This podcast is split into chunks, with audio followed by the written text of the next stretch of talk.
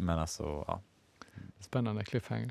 Ja, Men, men eh, då är det dags kanske för Ja. avsnitt fem av den marxistiska björntjänsten. Kan inte ha den båda gångerna. Ehm, Bra intro. Tack så mycket. Ska jag köra nu då?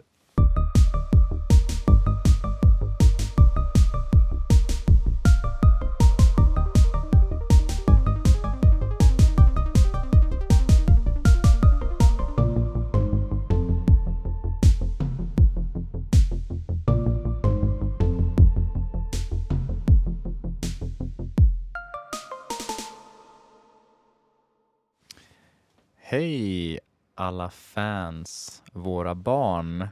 Välkomna till avsnitt fem av den marxistiska björntjänsten. Tack. Ja. Kan- vi, som, eh, vi som eh, sitter här är en decimerad skala. 33 procent är borta.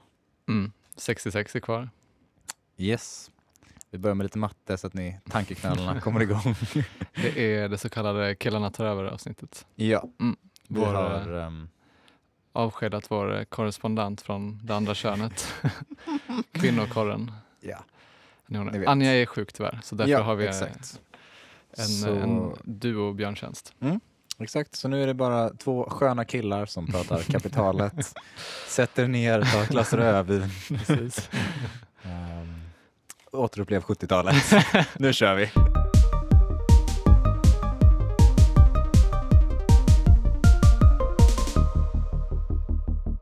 Vilket intro. Eller hur? jag hade inte kunnat säga det bättre själv. Man kände hur hela Sveriges kulturliv satte andan i halsen. Två killar som gör, pratar Exakt. tillsammans. Ja. Jag var i Malmö förra veckan ja, eh, för att titta på Slavoj Zizek gud på kul. Stadsbiblioteket. Jag är otroligt avundsjuk. Det kan jag förstå. Mm. Det var, eh, mm, det var 800 000 i publiken och lika många som inte kom in Åh jävlar ja. enligt eh, uppgifter jag har hört. Det det låter var- som så ett diktatorlands uppgifter. Säg inte vilket. Nej. Men det är Malmö Men- kommun. det är, mm, de har gått ut med sina officiella siffror Ja. i Sydsvenskan. Nej, men jag har hört att det var cirka 800 personer Mm. som kom in och många som inte eh, kom in. Ja men det kan jag verkligen tänka mig. Han är ju en ikon. minst sagt. Han drar ju många. Och varför drar han så många? Det kommer ni förstå. Eh, Åh, gud vad det, härligt. temat Mm. som eh, för kvällen var, han är ute på en turné tillsammans med sin fru också, Mm. eh, tillika doktor i filosofi vid universitetet i Ljubljana, Jela Kricic, Kritic. med eh, reservation för uttal. Och så Mm. pratar de om, eh, eller snarare sagt titeln på den här föreläsningsturnén är The Rise of Obscene Masters. Vilket, Of the Rise of what? eh, obscene Masters. Obscene Masters. Obs- Obscene Masters. Mm. vilket eh, är temat och de pratade om det i ungefär fem minuter och under resten av tiden pratade de om Starbucks, Mm. sex och plusset i hbtq+. Mm. Mm. Spännande. Gud vad kul det här ska bli. jag Men är det, så himla taggad. ja, eller hur? Ja. Precis. Men eh, han har ju diskuterat det här temat tidigare. Han diskuterar ju ofta samma teman om och Ja. igen i olika sammanhang. Precis. Och han, eh, ja, i olika intervjuer, föreläsningar och böcker, till exempel boken Like a thief in broad daylight Mm. Power in the era of post-humanity, som jag läser nu, Post-humanity. Mm. som jag fick i julklapp av Just det. Anja. Ja, Vanja. Tack Anja. Ja, tack. Och som tack för det slipper du höra mig prata om den mer. eh, och eh, den handlar då, förutom om obscena ledare, eh, om Blade Runner, Mm. artificiell intelligens, Men sex gud. och plusset i hbtq+. Men, Mm. det här gillar jag. Eller hur? Tydliga eh, ämnen. Tydliga ämnen, verkligen. Eh, f- varför de hör ihop är kanske snarare det man undrar om de gör Jag det. vill, bara, jag vill egentligen bara höra hans tankar på Blade Runner. Vilken katt gillar han bäst? Eh, det finns så många. Det här var också Blade Runner 2049, ska jag tillägga. Men han har pratat om eh, alla. Jag skojar, den är säkert jättebra. Men det kommer i, eh, i extra, Ah, det ma- extra kommer. materialet. Ah, Eh, det, så- ja. Men vad är det då Zizek pratar om när han pratar om det han skulle ha pratat om på Stadsbiblioteket? Eh, det vill säga The Rise of Obscene Masters. When I was young, 68, 70 student rebellion. The idea was those in power talk dirty. No, sorry, those, th- this is today. Those in power talk a fake, dignified language, and we, rebellious leftist youth, we should do like this, fuck you, to politicians, to unmask their indecency and so on and so on. But something fundamentally changed. Now it's the alt-right which rediscovered this obscenity of political speech, and I'm not simply saying we should reappropriate it. What what I'm now very manipulative. What the left should do, I tried to do this in that unfortunate debate with Jordan Peterson. I'm going to ask you about that in a second. Yeah, but go ahead. Where, where, where? Uh, my point was this one, because Jordan Peterson pretends to be this, you know, morally upright, no postmodern, and so on and so on. And my point was, sorry, but uh, Trump is for me the postmodern caricature of an obscene, obscene president. Trump is not moral majority. If anything, Bernie Sanders is a figure of traditional decency and so on. So it may look, I often am in slight contradiction with what I just said, but I would be tempted to say that with all this open obscenity practiced now by Trump and his guys, maybe the left should adopt a much more moralistic role. The function of the left to ordinary people should be listen, we understand you, good Christians caring for ordinary decency. We are the guys. Trump is the obscene guy. Trump is the true postmodern uh, master who makes fun of himself and all that stuff, all that stuff. Ja, alltså för er som har eventuellt svårt för engelska med slovensk brytning, eh, blandat med ske-ljuden från helvetet, eh, så ska jag bara försöka återberätta lite vad Zizek pratar om här. Eh, han berättar om eh, Jordan Peterson då, de hade en debatt tillsammans i våras, eh, som är känd eh, självhjälpsguru och liknande högerprofil Mm. Ja. Och som då enligt Zizek framställer sig själv som ordentlig, proper, någon som eh, representerar den eh, i eh, USA då kristna majoriteten. Mm. Eh, paralleller, verklighetens folk. Mm. Svennebanan, Mm. exempel. Eh, I kontrast till vänsterakademiker, feminister, liknande, som enligt Peterson då är postmodernister som vill infiltrera västerlandets institutioner och förstöra dem och så vidare. och så vidare. Mhm. Men Zizeks svar på detta då är att för honom är det Trump som är den postmoderna presidenten numero uno. Mm. Eh, han representerar inte moral majority utan är istället obscen då. Va, kan vi, vad exakt betyder obscen? Alltså jag borde ju haft eh, en eh, Google-definition här uppe. Ja, men kan du inte gö- göra en, eh, en googling? Googla live. Ja, Eh, det har vi haft flera som har gjort i vårt koncept. liv. Eh, obscenitet är en term som oftast används inom juridisk kontext, enligt Wikipedia, Mm. för att beskriva uttryck som anses vara stötande för allmänheten, Mm. eh, anstötligt, oanständigt, sårar blygsamheten eller otuktigt. Sårar blygsamheten gillar jag. Mm. Mm. Men jag, då, ja, då har vi en definition, jag gillar det. Men precis, eh, oanständig liknande. Ja, det finns ju mycket att hämta där hos Trump tänker jag. Men precis, och exemplen är ja, grab by the pussy och liknande, mycket liksom det här Mm. väldigt vulgära. Mm. Ja, absolut. Och vidare på den här postmoderna grejen också då, att det är inga fakta utan det är fake news och Mm. många andra som kommit med liknande anklagelser eh, för honom på just den grejen. Mm. Verkligen. Och istället då så är det för Zizek Bernie Sanders som är den eh, representerar det han kallar moral majority, Mm. eller då den här kristna common decency, svennebanan, verklighetens folk Mm. i USA. Eh, och Zizek beskriver då vidare hur det var i hans ungdom så var det just vänstern som stod för de här obsceniteterna. Oh, fuck you, Mm. direkt citat. Just det. eh, och riktade mot etablissemanget och eh, överheten. Och frågan är då vad som har förändrats sedan dess. Mm.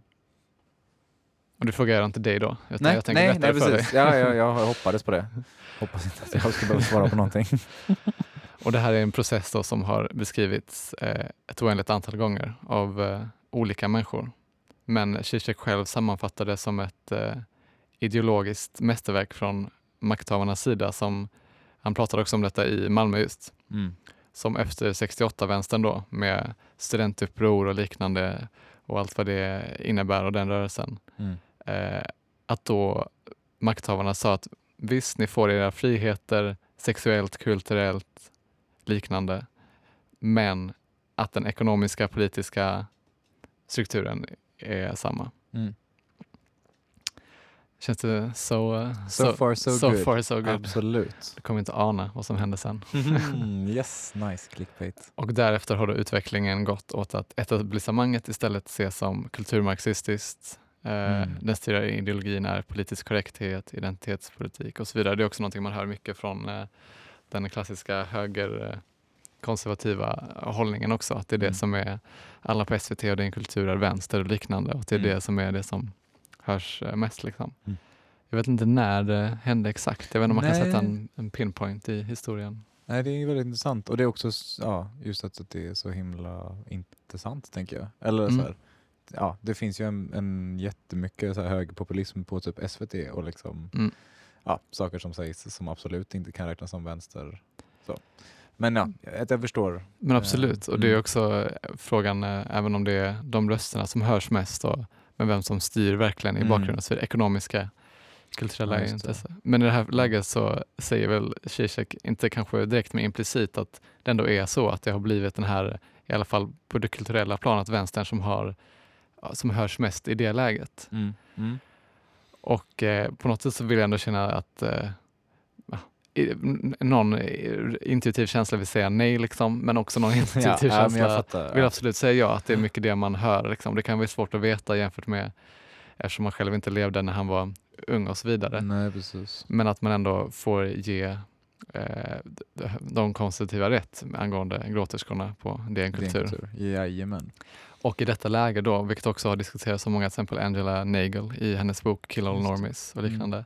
Så är det högern som blir den subversiva kraften. Uh, vare sig det nu är så att vänstern har det här uh, etablissemangläget eller inte, så i alla fall Mm. eh, får de den subversiva kraften eh, och eh, kan vara de som eh, kan komma med obsceniteter och provocera och eh, helt enkelt ha humor och Mm. memes. Ja. Eh, fram tills då för, förra avsnittet när vi tog tillbaka, tog tillbaka det. ja! Så om man hade kunnat mäta en, eh, vem det är som gör memes och det, Mm. eh, mäta vem det är som är liksom, eh, mest rolig, vem som är mest Meme provocerande. Lord, eh, Hanif Bali etc. Precis, Ja. betyder det då att det är han som är liksom i underläge subversiv? Det kan man ju diskutera, men det är i alla fall de som har den kraften. Varför kan inte vänstern vara Mm. rolig och så vidare? Varför sitter vi bara här i sådana fruktansvärt tråkiga poddar till exempel? Ja, exakt. Säger viktiga saker.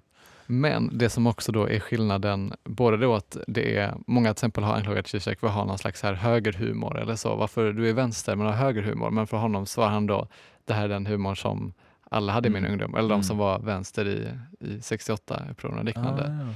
Det är inte att han är höger utan det är bara att idag kopplar vi det till vänster. höger. Eller liksom, hö- ja, jag förstår vad du Precis. menar. Ja. Och också det liknande mycket att de här Steve Bannon och liknande som har styrt det här i USA har varit En väldigt favorit en här favorit i podden. om vi ska Mm. droppa. var varit, eh, följt den eh, marxistiska tänkaren Antonio Gramsci, italiensk, som också hade det här med att just man, eh, kulturen ligger liksom upstreams av politiken. Att först har man kulturen Mm. och med hjälp av att styra det så kan sen politiken ändra sig. Ja. Och eh, att det är därför det, och det är det som också nu Zizek eh, och många andra med honom har uppmärksammat att den här alt-right-grejen med de här memesen och så vidare har inte bara varit någon slags här subversiv underground-rörelse utan nu också då i princip fått sin kulmen med Trump som Mm. en obscen ledare, mäktigaste mannen på jorden Mm. och eh, väldigt obscen vulgär. Ja, kan verkligen. säga, säga grejer som eh, jag inte tänker säga Nej. i den här podden. Men jag funderar just med så här, vad är caset mot det han säger? Förstår du vad jag menar? För jag tänker att, att det är väl ganska, jag ser det som jätteuppenbart att Mm. Trump är typ den obscena. Vem, Mm. är det, vem är det han syftar på? Eller förstår du vad, vad frågan är riktigt? Men just det, hans, eh, hans, det som är det dåliga med det, liksom, att han är obscen, för det, det håller väl alla med om. Liksom. Ehm, det är att eh, hur, eh, för främst att då kan han liksom framstå mer som eh, inte, jag är inte elit och så vidare. Han är också kontrasterar sig Okej, ja. mot den tidigare eliten som de som Zizek gjorde uppror mot i sin ungdom. Mm. Och exempel då är frågan hur ska man idag liksom avmaskera eller provocera, dra ner byxorna på en president som redan gör det på sig själv. Liksom. Mm. Om Zizek kunde säga fuck you till Mm. eh, de som var etablissemanget på 60-talet, Mm. vad ska till exempel vänstern göra idag om de inte kan eh, vara obscen mot Trump Mm. till exempel? Mm. Och att det är det som är den största liksom, komplexiteten med eh, Ja precis. Och man kan inte heller ta andra sidan, man kan inte vara de som är så laglydiga och duktiga och liksom så titta på, ja, vi är faktiskt duktiga på den här sidan liksom. Men det är Okej. egentligen det som Zizek lyfter fram är det man ska göra. Och på ett sätt kan Ja, jag tycka jag, andra gången jag missar en poäng han säger. Och på ett sätt kan man tycka det är konstigt för det känns ju som att eh, han också lyfter fram att det är just det som har skapat att högern fick den här eh, rollen som roliga från början. Liksom. Just också För att vänstern är, var det här moraliska, tråkiga, ja precis för det är det politiskt jag korrekta. tänker också. Ja. Så det är väl det som är, men jag tror också att Zizek skulle säga att det här eh, politiskt korrekta och den här vänster, att det inte heller bara är, det är inte heller den här eh, i, betydelsen moral majority kristna, utan det är också någon slags mer, eh, handlar också om att om att inse Blubby blubby. du sa det, institutionalisera provokationerna. Institutionalisera. Yes. Till exempel med att allting med konst och så vidare ska vara mer provokativt hela tiden och Mm. olika grejer med könsidentitet man ska alltid utforska och så vidare. Att det egentligen Mm. är bara att hela tiden man eh, fortsätter de här liksom, provokationerna. mm. Men att han då förespråkar till exempel Bernie Sanders som ja, ett bra exempel på att vara inte det här obscena utan kanske inte präktig och laglydig eller moralistisk. men i alla fall en mer representant för Mm. verklighetens folk. Ja, mer representant för verkligen folk. Ja, okej. Mm. Jag funderade på om det hade med så här, jag först min tänkte intellektuella tänkte jag säga, att var det liksom Mm. så här, att vi skulle ta den sidan liksom. Just. Eh, men okej, vara mer som verklighetens folk. Mm. Ja, men i alla fall att han då tänker att det ändå är tillbaka till någon slags motvikt. Att okej, då är det omvända roller och också att den Mm. här eh, subversiva eh, det Trump representerar inte heller, både att han inte representerar allmänheten i att han kommer från etablissemanget, har mycket pengar och så vidare, Mm. men inte heller att egentligen majoriteten eh, vill ha den här obsceniteten utan de, till exempel i USA, då, kristna, de vill ha den här liksom common decency som Bernie då egentligen står för Mm. i first name basis. Ja. BS som jag brukar kalla honom. Men när jag tänkte vidare på detta så tänkte jag att jag skulle försöka applicera det hela till Sverige. Ja, för jag tänkte exakt på det också. Gud vad roligt. Och det är här problemen börjar. Exakt. Eller, för till en början blev jag glad, för jag tänkte att är inte både Stefan Löfven och Jonas Sjöstedt som ju nu avgår, men som får ses som någon slags Mm. ändå motsvarande Bernie Sanders Absolut. i Sverige till någon grad, är inte de precis vad Zizek kallar modesta, ärliga, icke-obscena, artiga, snudd på tråkiga? Ja, precis. Men sen slog det mig, alla svenska partiledare är tråkiga, modesta och liknande. Till och med Jimmy Åkesson är ju slående proper och ordentlig. Ja. Även om vissa i hans parti har tagit den mer obscena rollen och kanske Hanif Bali är den som kommer, man Mm. tänker annars. Mm. Så har ju han också, han blev ju, partipiskan ven ju mot honom. Och eh, det går egentligen inte att säga, det kanske skulle vara Ebba Busch Thor som skulle vara den mest frispråkiga Är det så? Ja, det av eh, mest mimiga av alla. Men som sagt, min glädje var kortvarig när jag kom fram till att alla svenska partiledare är ju Ja. precis så här. Då är, det är caset att Sverige är så otroligt vänstervridet hur mycket vi än liksom försöker vara högervridna. Jag tror snarare att case det är att Sverige är så himla fruktansvärt tråkigt. Ah, okej. Eller så är det så att ofta så kommer olika fenomen och trender och liknande lite sent i Sverige. Kanske 5-10 år efter att de kommer Mm. till USA. Exakt som Kanada. Ja. Så vi har kanske helt enkelt inte fått vår obscena ledare än, men, utan vi är kvar i det Ah. gamla pre-Trump oskyldiga politiska landskapet. Men i förra avsnittet så sa jag att våran Trump var Alice Bah Kuhnke Just det. eh, på oklara grunder. Mm. Men om jag nu ska ställa frågan igen, vem är våran Trump? Vem Ja. kommer från skuggorna i underhållnings och tv-världens toppskikt in i, politik, i politikens hetluft och blir Sveriges nästa obscena statsminister? Oh, har, du, har du något på det? USA har Kim Kardashian, äh, Keeping Up the Kardashians. Vi har Wahlgrens värld. Yeah. USA har Frihetsgudinnan. Vi hade Zlatan-statyn. USA har Trump. Men vi har tala om precis varför det inte är några män som inte hittar Södermalm man som bryr sig om fi överhuvudtaget om du inte vet det Gudrun. Det är så här, om du gör ett kuddrum, ett dagis liksom, där kvinnor och barn sitter där som en slags norm och den inre kretsen sen sväller ut och sväller hela samhället och alla ska ingå i den och ska i pacifister och veganer och sitta och gulla gulla och sjunga kumbaya hålla varandra i handen och män ska sitta och gråta och prata om känsliga dagarna, vilket inte män gör faktiskt. Då, då blir ju det en bisarr parodi på ett samhälle, för det här är ju en del av samhället som funkar i en viss miljö. Men resten av samhället ser inte ut och fungerar inte så. Det finns jaktlag, sorry. Ska du köra grabbar och få dem att funka så kan inte jag sätta dem runt ett bord och prata känslor. Jag får ta fan med, tält och så man gå upp på berg och så man knalla ut i naturen för de behöver inte fungera om de inte är i den miljön. Snyggt. Alexander Bard, Ja, helt enkelt. såklart. Så min spårdom är alltså att till nästa val i Sverige eh, kommer Alexander Bard att inom citationstecken från ingenstans bli vår nya eh, obscena statsminister. Eller så Zizek berättade nämligen att många har kallat honom för Trump of the left på grund av sin obscena liknande egentligen Aha. uttalanden. Ja. Så min reservspaning är att vi har Zizek som obscen europeisk envåldshärskare Jo, innan tack. 20-talet är över.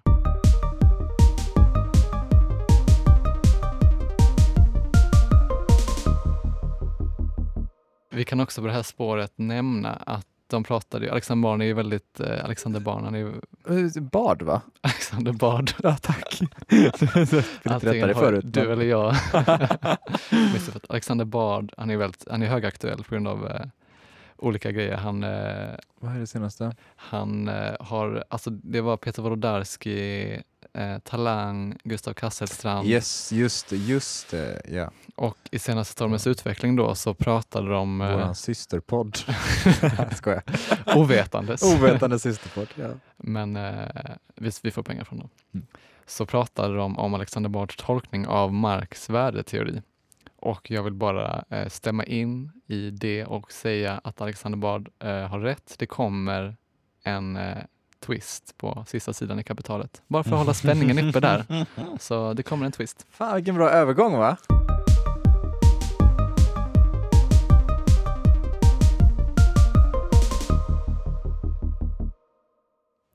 Alright. Killarna är tillbaka. Ja, och eh, då var den första roliga delen av podden över. Nu Kom- kommer den andra Roliga. roliga delen. Exakt. Snyggt. Vi, vi avslutar varandras... Eh, Boom. Måltider. Nej. eh, Ja, ja, där ja just den. det. Snyggt. Gammalt. Men eh, vi kanske eh, ra- racear igenom en kort sammanfattning. Den Ja, är ju samma men- i varje avsnitt. Precis, men eh, ja, vi tar en liten sammanfattning. Det ska man känna, så man känner extra mycket skam om man inte har lyssnat på det tidigare. Precis. Eller så kan man börja när man vill. Om man känner att Hugos prata om Slavoj Zizek är det enda man vill höra och sen lite kapitalet. Då är det bara att lyssna på avsnitt fem. Också, också en möjlighet. Också. Eh, Okej, kort sammanfattning. Rikedomen i kapitalistiska samhällen visar sig som en enorm eh, varuanhopning och därför börjar vi eh, med en analys av varan. Det som utmärker varor är att de är nyttiga för människor. De har ett bruksvärde. Vi ska också säga att vi här är Marx och inte jag Oskar. Bruksvärde är något kvalitativt. Hur det är nyttigt för människor. En fisk har ett bruksvärde för människor, man kan äta det. En dator har ett annat bruksvärde och jag tänker fortsätta upprepa de exemplen tills det är de som är standard i all marxistisk litteratur. Marxism.nu. Marxism.dator.fisk. .wordpress. Eh, och då kan vi inte jämföra olika bruksvärden på det sättet. Är det bättre att äta en fisk jämfört med att äta en dator till exempel? Nej. Eh, bytesvärdet är då det kvantitativa värdet som alla olika varor jämförs genom. Eh, och det specifika mänskliga arbetet skapar det kvalitativa bruksvärdet. Abstrakt mänskligt arbete producerar bytesvärdet.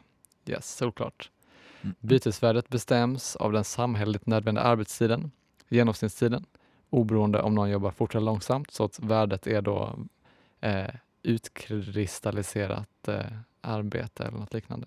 Man kan ha bruksvärde utan att det blir varor om de är för eget bruk. Eh, till exempel om man eh, odlar grejer själv eller fiskar grejer själv eller någonting. Mm. Eh, Även saker som inte har blivit producerade av människor kan ha ett bruksvärde som då till exempel luft och vatten och eh, ja, en fisk också för den delen. Mm. Men ingen, inget kan vara en vara om det inte har något bruksvärde.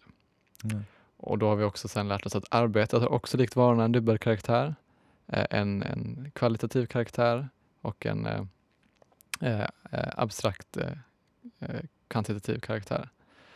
Och sist men inte minst så började vi läsa sist om hur Marx med hjälp av begreppen ekvivalentform och relativ värdeform ska beskriva penningformens uppkomst. Mm. Efterlängtad del. Ja, absolut. Cash money. Lite som eh, The Last Jedi i Star Wars eh, sequel-serien. Den handlar också om eh, penningformens uppkomst. Japp. ja. You just haven't seen it yet. Jag har bara inte sett den med rena ögon. Nej.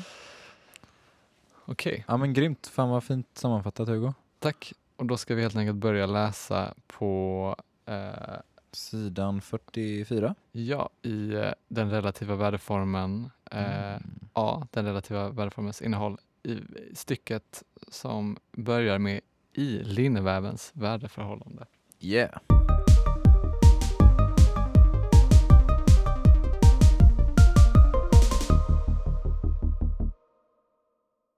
Ja, jag tycker absolut vi ska ha din lilla Zizek-selfie.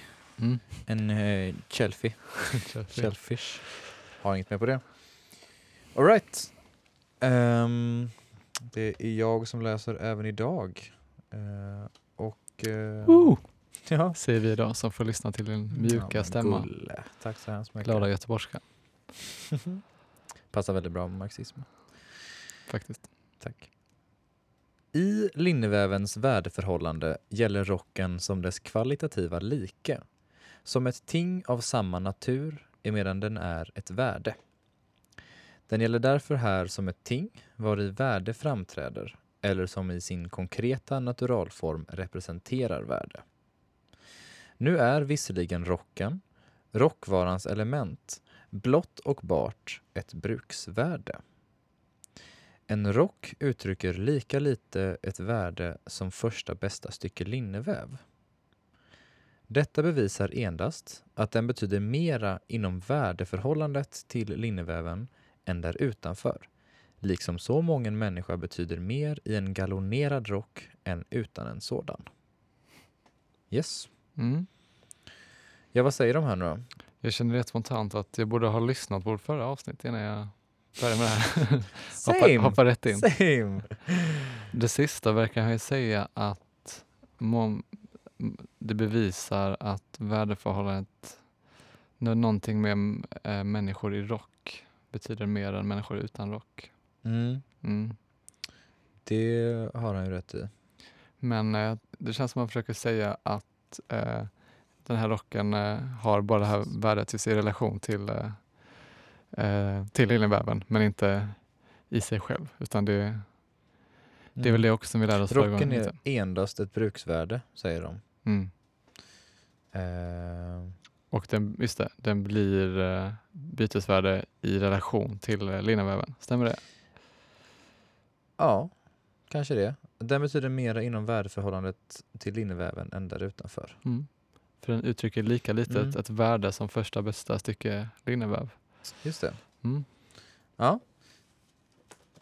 Vid tillverkningen av rocken har mänskligt arbete i form av skrädderi faktiskt förbrukats. I densamma finns alltså mänskligt arbete koncentrerat.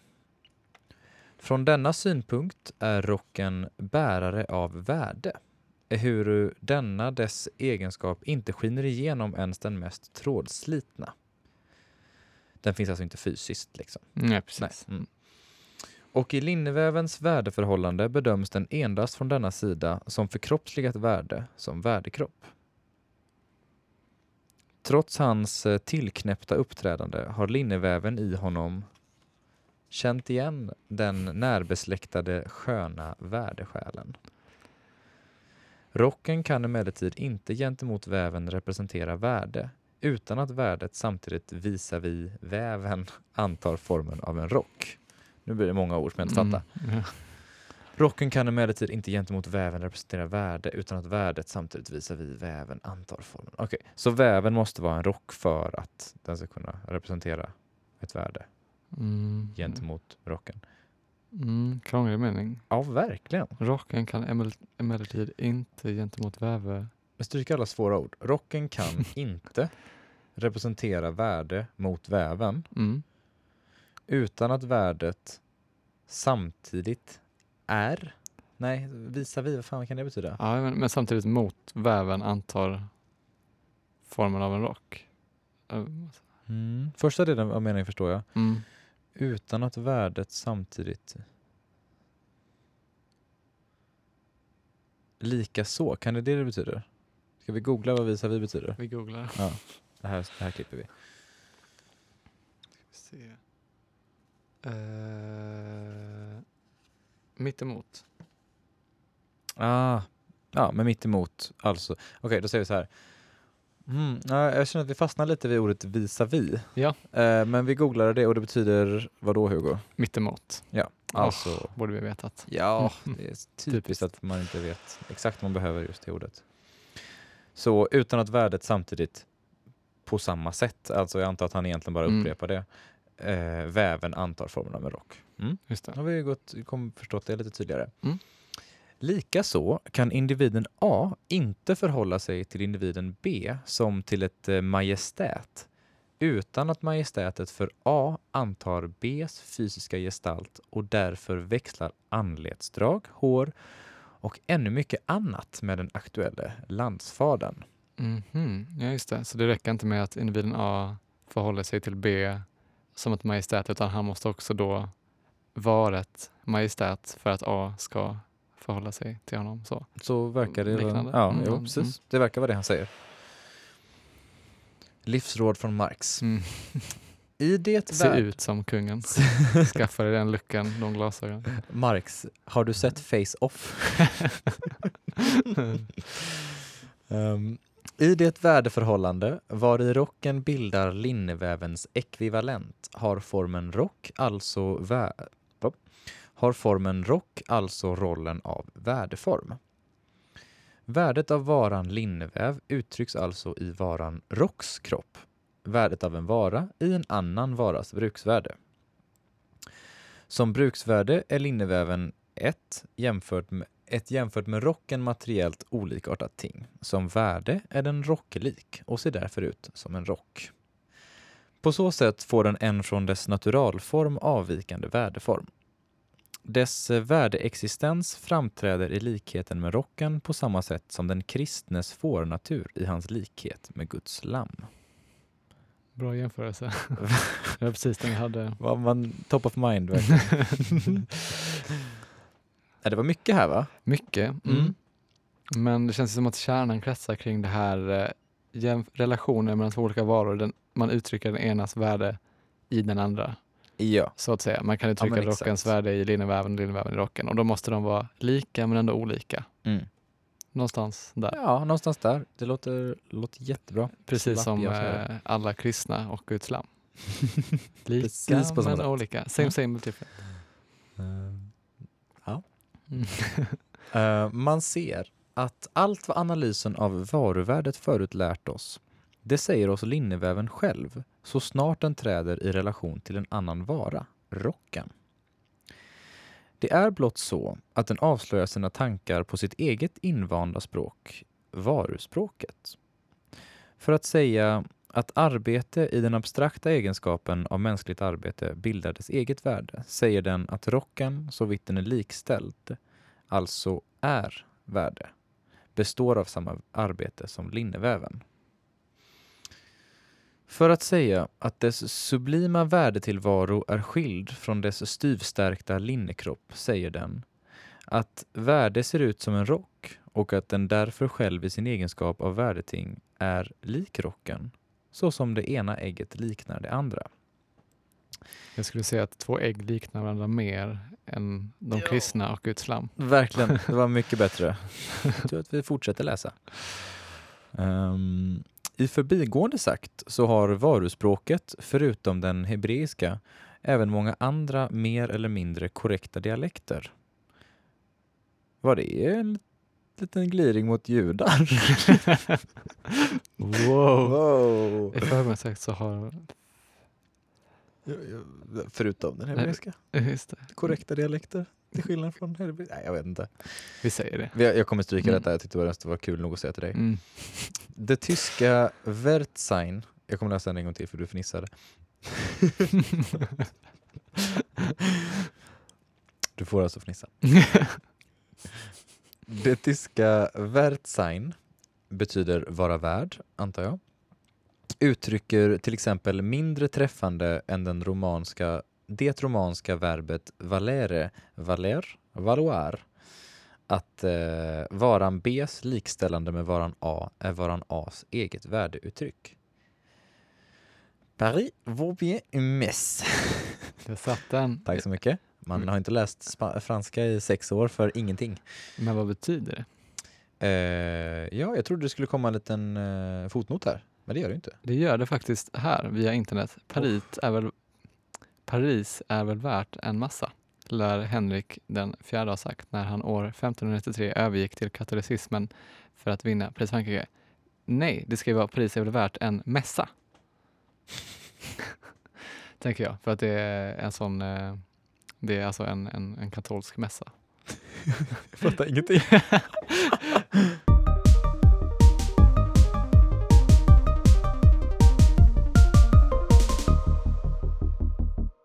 Ja. Nu tappade jag var jag var någonstans. Eh, Nu ska vi se här. Vaut bien une messe. Primo, bi- Mhm. Där ja, okej. Here we go.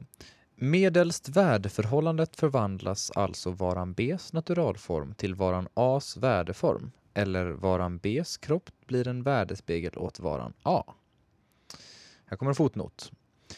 På visst sätt går det människan som varan, då hon varken kommer med en spegel till världen eller som en fichte filosof. Jag är jag speglas i människan först i en annan människa. Bra, viktig fotnot. Det kommer mer. Först genom relationen till människan Paul, sin like, träder människan Per i relation till sig själv som människa. Men därmed gäller också för honom människan Paul med hull och hår som uppenbarelseformen av släktet människa. Bra exempelnamn. Ja. Uh, varken bra eller dåliga skulle jag säga.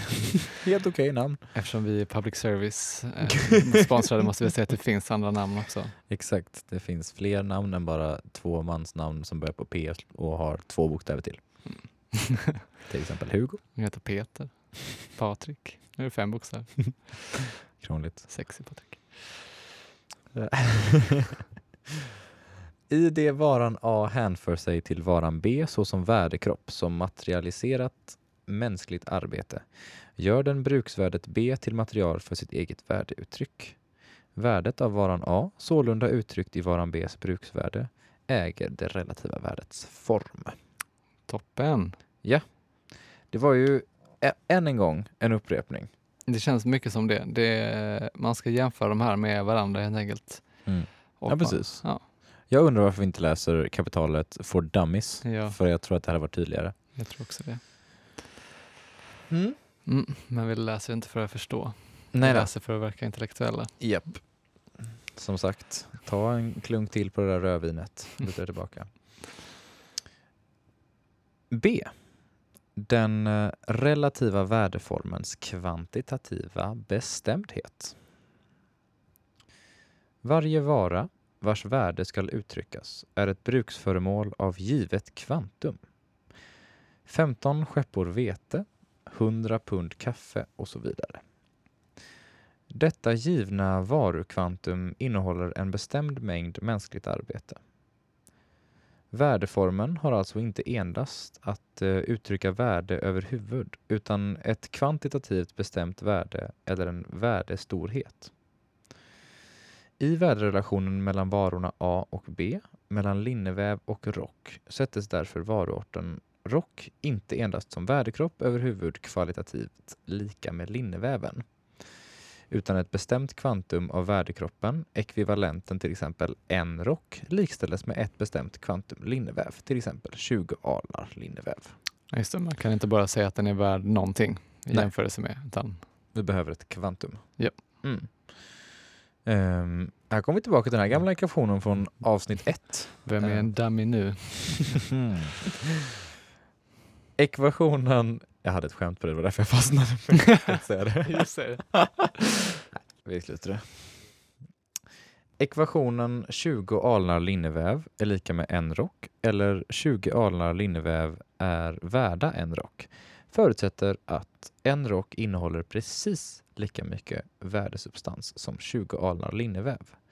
Att eh, bägge varukvantiteterna alltså kostar alldeles lika mycket arbete eller lika lång arbetstid.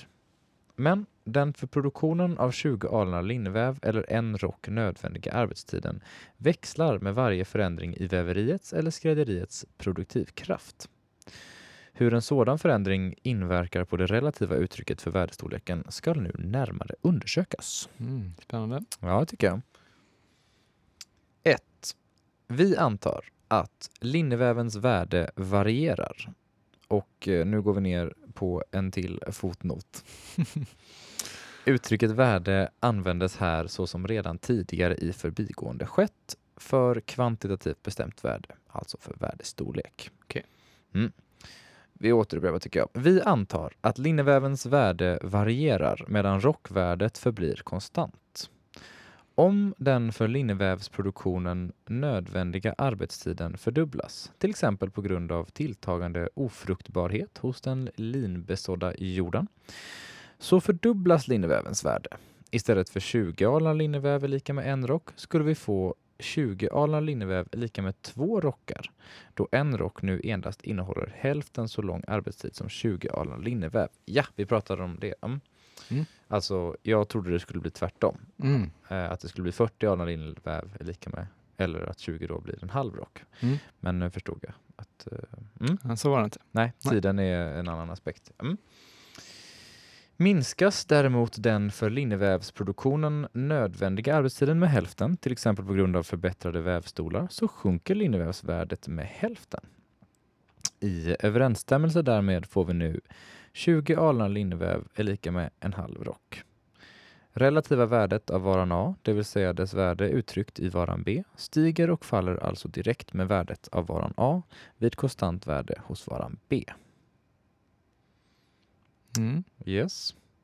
Ehm, ja, vi fattar. Ja, men ändå. Det Mm. något sånär. Ja, tycker jag. Två.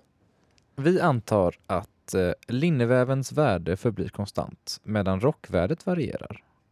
Om den under dessa omständigheter för rockproduktion nödvändiga arbetstiden fördubblas, till exempel på grund av ogynnsammare arbetsförhållanden vid fårklippningen, så får vi istället för 20 alnar linneväv är lika med en rock, 20 alnar linneväv är lika med en halv rock.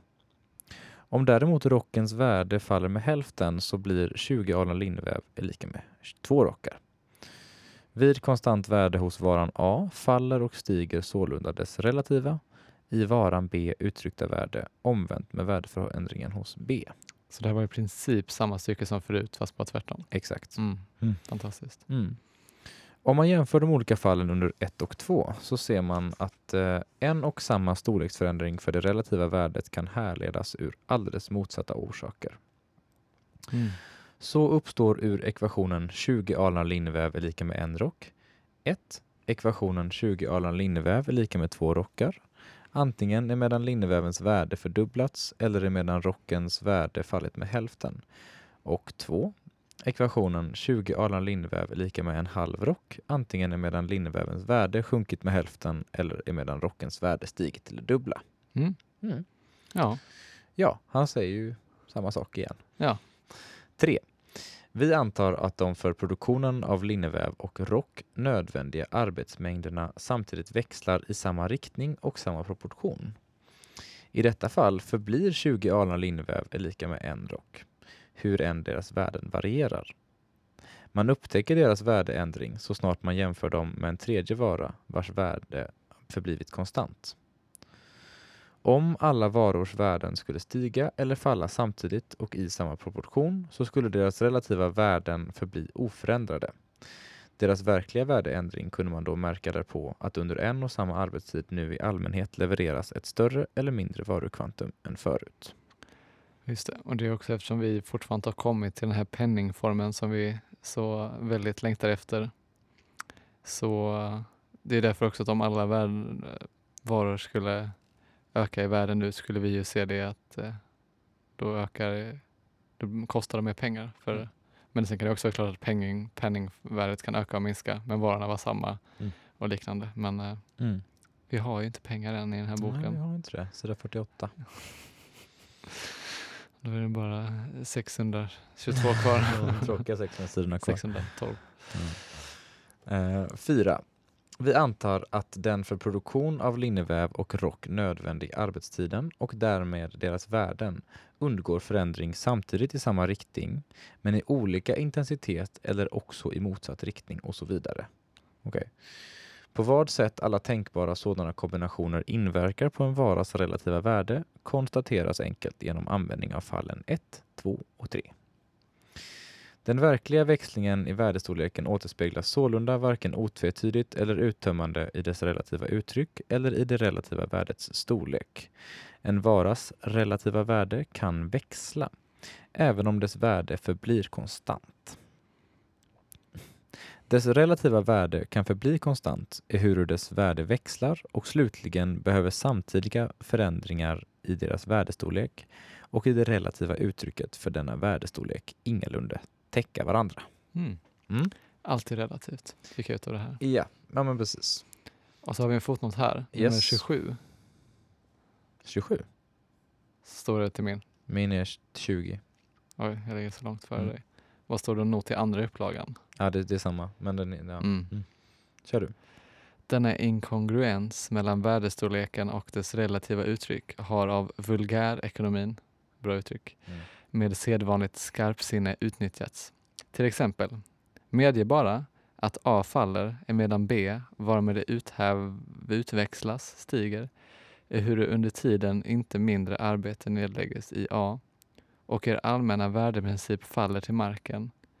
Om det medges att emedan värdet av A relativt till B stiger, värdet av B relativt till A faller, så är grunden ryckt under fötterna på Ricardos sats.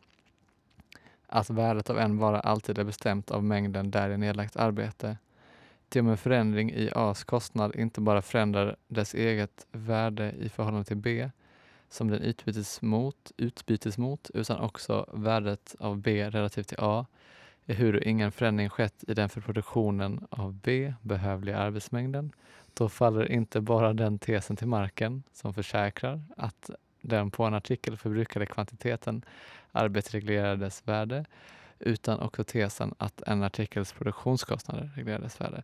Det känns ju framförallt, jag förstår inte så mycket av det där, men Nej. att eh, han svarar på någon, det är därför det är också så är noggranna utläggningar om detta, att han eh, Mm. svarar på någon annan kritik som säger att värde inte bestäms av arbete helt enkelt. Mm. Då måste han eh, ge dem svar på tal. Min fortsätter. Min fotnot fortsätter. Gör din också Oj, det? nej, berätta. Ja, men då, för jag tänker att här, här står det att han, eh, här förklarar han vad han säger. Okej. Eh, just det, den här texten kommer från G. Broadhurst Political Economy London 1842. Eh, och då skriver Marx själv då. Herr Broadhurst kunde lika gärna säga Må man betrakta talförhållandena 10 till 20, 10 till 50, 10 till 100 eller av 100 och så vidare. Talet 10 förblir oförändrat och ändå avtar dess proportionella storlek. Proportionella storlek dess storlek i relation till nämnarna 20, 50 och 100 ständigt. Alltså faller den stora principen till marken att storleken av ett helt tal, till exempel 10, regleras genom antalet däri innehållna enheter. Mm. Så Mm. försöker komma någon, eh, någon burn där. Ja, precis. Men eh, Mm. jag tycker det är en bra, Burn! Broadhurst. Tycker det är en bra taktik annars att bara sätta vulgär framför det man vill kritisera om man eh, gör samma grej. Ja, jag gillar det. Ska jag ta på mig det till framtiden? Ja, jag känner att det borde i alla fall de andra vulgärpoddarna som håller på. Det finns ju en podd som heter Kapitalet tror jag. Och den handlar ju om hur man ska... Den handlar om ekonomi på ett helt annat sätt. Ja, du menar en vulgärpodd? En vulgär heter- ja. pisspodd. Shoutout till... eh, Kul om ni hade lyssnat. precis. Vi lyssnar inte på er.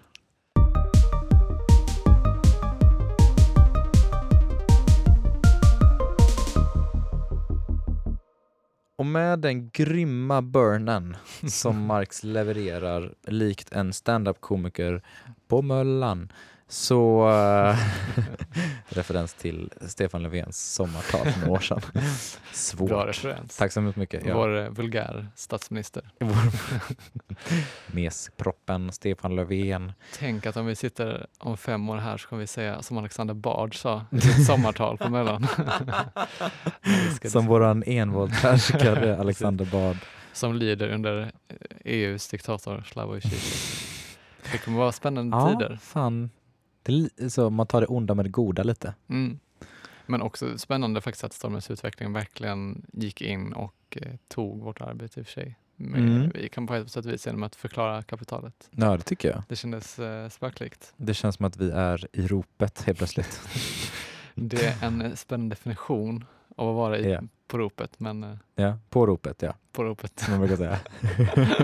De eh, snor vårt ämne helt enkelt. Ja, men eh, good for them. De har mer publik än vad vi har. Mm. Vi är... ehm, Vi tackar för shoutouten, även om vi inte nämnde sin ja, vad ska man säga? Vi är liksom avantgardet Mm. och sen så kommer de här jävla eh, ja, popnissarna. Vulgärpoddarna. Ja, exakt. Mycket bättre än vad jag hade att säga. Men ja, som sagt med de orden så är det väl dags för oss att tacka. Ehm, Tack själv, Oskar. tack så hemskt mycket Hugo. Mm. Tack Eh, Alexander Bard. Tack eh, Anja. Att, eh, tack, eh, För förlåt. att, du, för att du lät oss göra det. För att du lät oss göra det, exakt. Eh, vi saknar dig. Och signing out, tuning out and... nej, jag ska ha inget mer på det. Nej, men det är bara må, Det är bara att säga. må väl och eh, fila på avsluten till nästa gång helt enkelt. Live long and prosper. Men modest och, och anspråkslöst. jag vill get efterbanter. Superbra. Ja, men vi säger tack då. Ha det gött. Tack Hej. så mycket. Höga hej.